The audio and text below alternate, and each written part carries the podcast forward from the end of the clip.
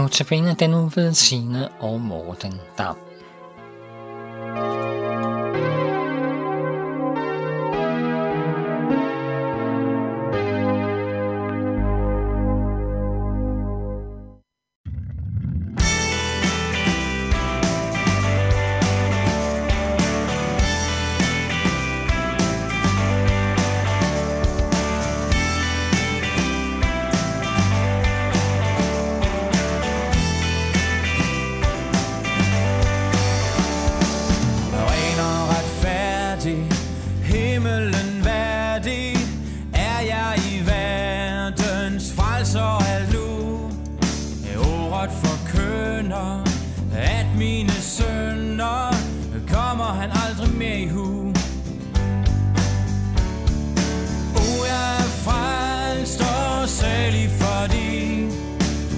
Ikke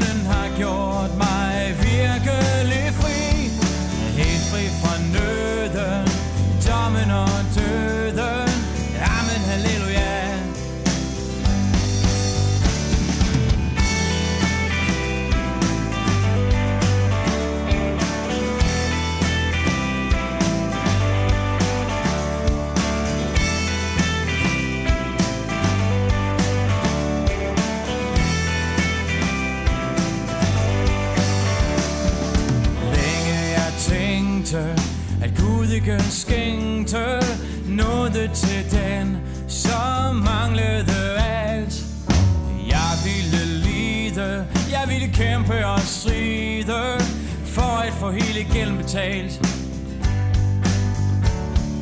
Men i min strid,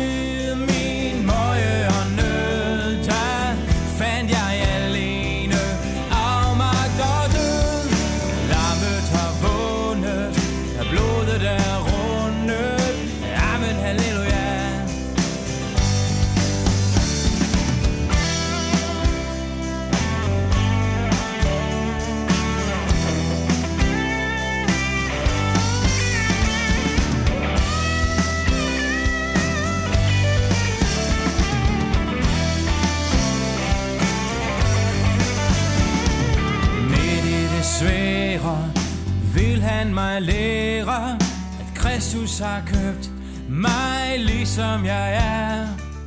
Han måtte lide, han måtte kæmpe og stride, ja han måtte stå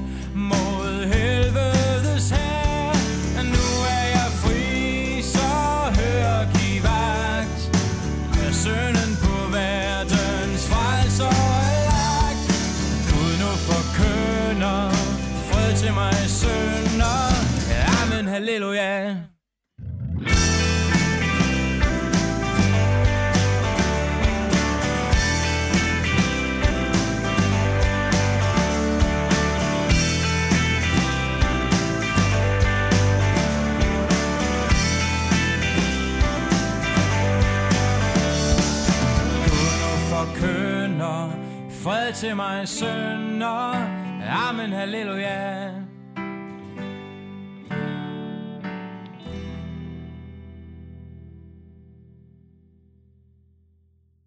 Som vi fortalte om i vores indledning og introduktion, så skal vi i den her uge gennem seks andragter høre om Jesu disciple Peter. Hvem var han, og hvordan er han et forbillede for os? Og hvad er der mere naturligt end at tage det fra begyndelsen af? Vi skal høre om Peters første møde med Jesus. Vi ved ikke så meget om Peters liv, inden han mødte Jesus. Men vi ved, at han var en rettroende jøde, som levede af at fiske – det skal nævnes, at Peter faktisk er et tilnavn, som Jesus han giver ham. Simon var hans egentlige navn. Vi hører om kaldelsen af disciplen Peter i begyndelsen af alle fire evangelier i det nye testamente. Og allerede dette viser, at Peter får en helt særlig betydning, både i sit forhold til Jesus og blandt de 12 andre disciple. Jeg vil i den her andagt læse øh, beretningen fra Lukas evangeliet kapitel 5, vers 1-11 med overskriften Peters fiskefangst. En gang da Jesus stod ved Genesarets sø, og folkeskaren trængtes om ham for at høre Guds ord, fik han øje på to både, der lå ved søen. Fiskeren var gået fra dem og var ved at skylle garnene. Så gik han op i en af bådene, den der tilhørte Simon, og bad ham lægge lidt fra land.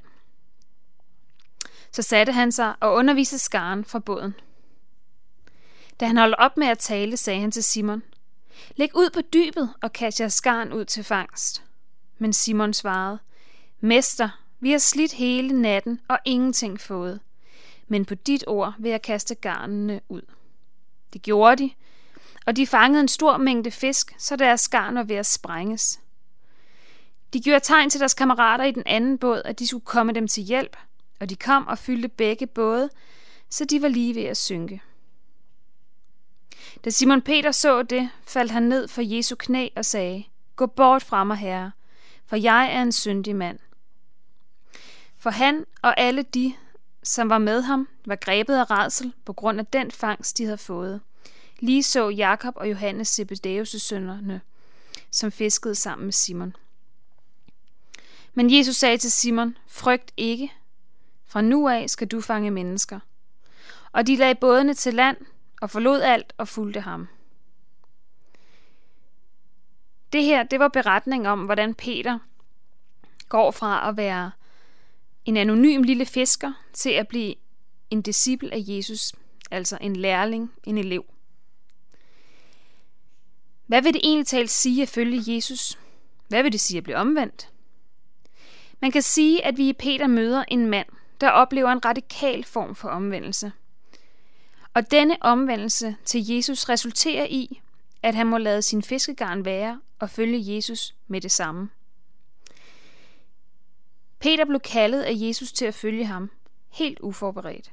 Peter var fisker, og formodentlig levede han et ganske almindeligt arbejdsomt liv i forhold til hans samtid. Nogle af disciplene hører, vi ejede deres egen både, og Galileasøen havde mange fisk, og der var et stort fiskeri der. Peter har haft til dagen af vejen og levet et udmærket liv. Alligevel så lod Peter og de andre disciple alt ligge og fulgte Jesus. Det var ikke sådan, at de blev nødt til at gå hjem og overveje eller spørge deres familie, om de syntes, det nu var en god idé. Nej. Peter ser, at det er vigtigt at vandre med Jesus og høre, hvad han har at sige, end at tjene penge, have et arbejde. Ja, Jesus han blev vigtigere for Peter end alt andet end i hans tidligere liv. Omvendelse, det er at vende om fra noget andet. At vende sig fra mørke til lys, fra evig fortabelse til evigt liv i himlen. Men at vende om til Jesus kan også medføre drastiske ændringer i livet. Men Jesus, han knytter ordene, frygt ikke til kaldet, som han giver Peter. Peter er et ultimativt eksempel på omvendelse, fordi han lod alt ligge og fulgte Jesus med det samme. Peter han skulle nu følge Jesus, undervises af ham, leve med ham, i perioder bo under samme tag som Jesus. Jesu disciple blev nogle af Jesu nærmeste. De, altså disciplerne, bliver ikke lovet et let liv uden problemer. Nej, faktisk nærmere det modsatte. De blev derimod lovet et liv med trængsler, forfølgelser og samme skæbne som Jesus. Men alligevel så var de ikke i tvivl. De lod alt ligge og fulgte ham. Ham, som mødte dem med et frygt ikke. De var ikke alene. De skulle være sammen med Jesus, Guds søn, og de fik lovning på den evige frelse. I Matthæus evangeliet kapitel 10, der fortæller Jesus lidt mere om det liv, der kan medføre, når man vælger at tilhøre ham. Der står i Matthæus evangeliet kapitel 10, vers 28-31. Frygt ikke dem, der slår lægemet ihjel, men ikke kan slå sjælen ihjel. Men frygt derimod ham, der kan lade både sjæl og læme gå fortabt i helvede.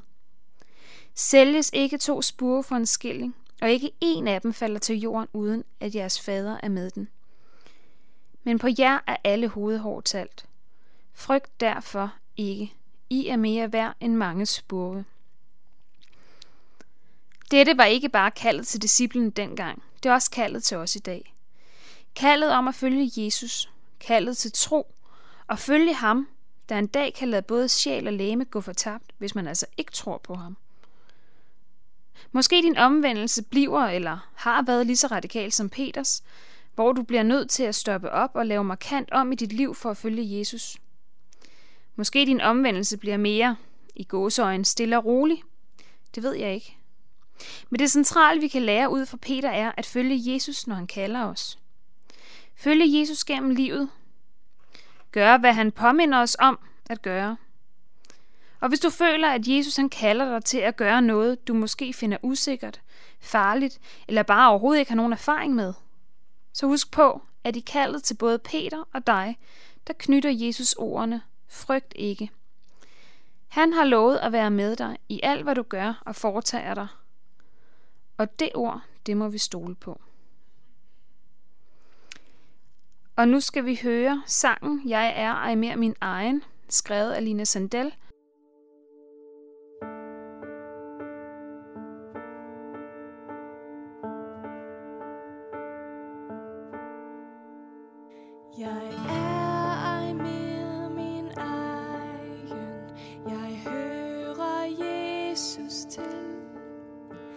Han har mig købt med blodet, og hans jeg være vil.